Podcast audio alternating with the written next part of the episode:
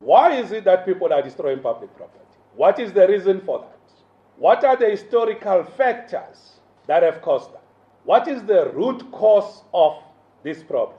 What is the real mischief that we are dealing with here? Mama Bolo het die I Care We Care inisiatief bekend gestel om die beskerming van eiendom tydens diensleweringsbetogings te verseker.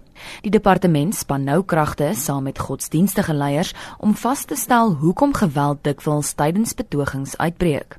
Die Moral Regeneration Movement se Neo Chaka het die aanvanklike navorsing gedoen. The reason why they say violence has become the 12th language is that they say to us when you protest peacefully or you give a petition or do whatever, government doesn't listen to you. Our leaders don't listen to us. But when we start burning something, then we get a response. Die aanvanklike navorsing wat die verskynsel van geweld tydens betogings en beskadiging van eiendom insluit, is tydens 'n vergadering in Johannesburg bespreek. Professor Moeke Nkondo het die voorlegging gemaak. Hy sê diegene wat deelneem aan gewelddadige betogings is dikwels mense wat maatskaplik uitgesluit word. Violence against buildings is not just a matter of police science. It has to do with economics, it has to do with psychology, it has to do with political culture, we have to do with questions of efficiency and accountability. So it's a whole complex of disciplines that are required to focus on. But beyond that, this team must also include those who suffer policy failure.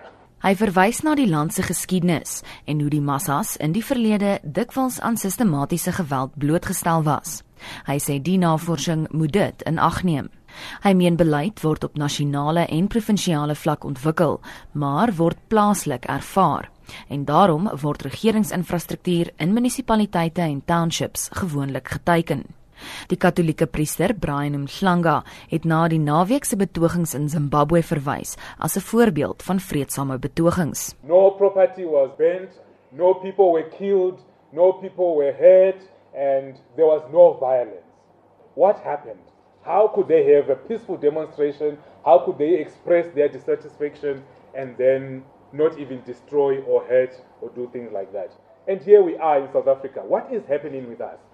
I think I would like to come to the big, big, big, one of the big roots, which is the history and the legacy of apartheid in our country. Ali Ermama Bolo wil egter weet of geweld tydens betogings aan die vlag geslagsgeweld in Suid-Afrika gekoppel kan word.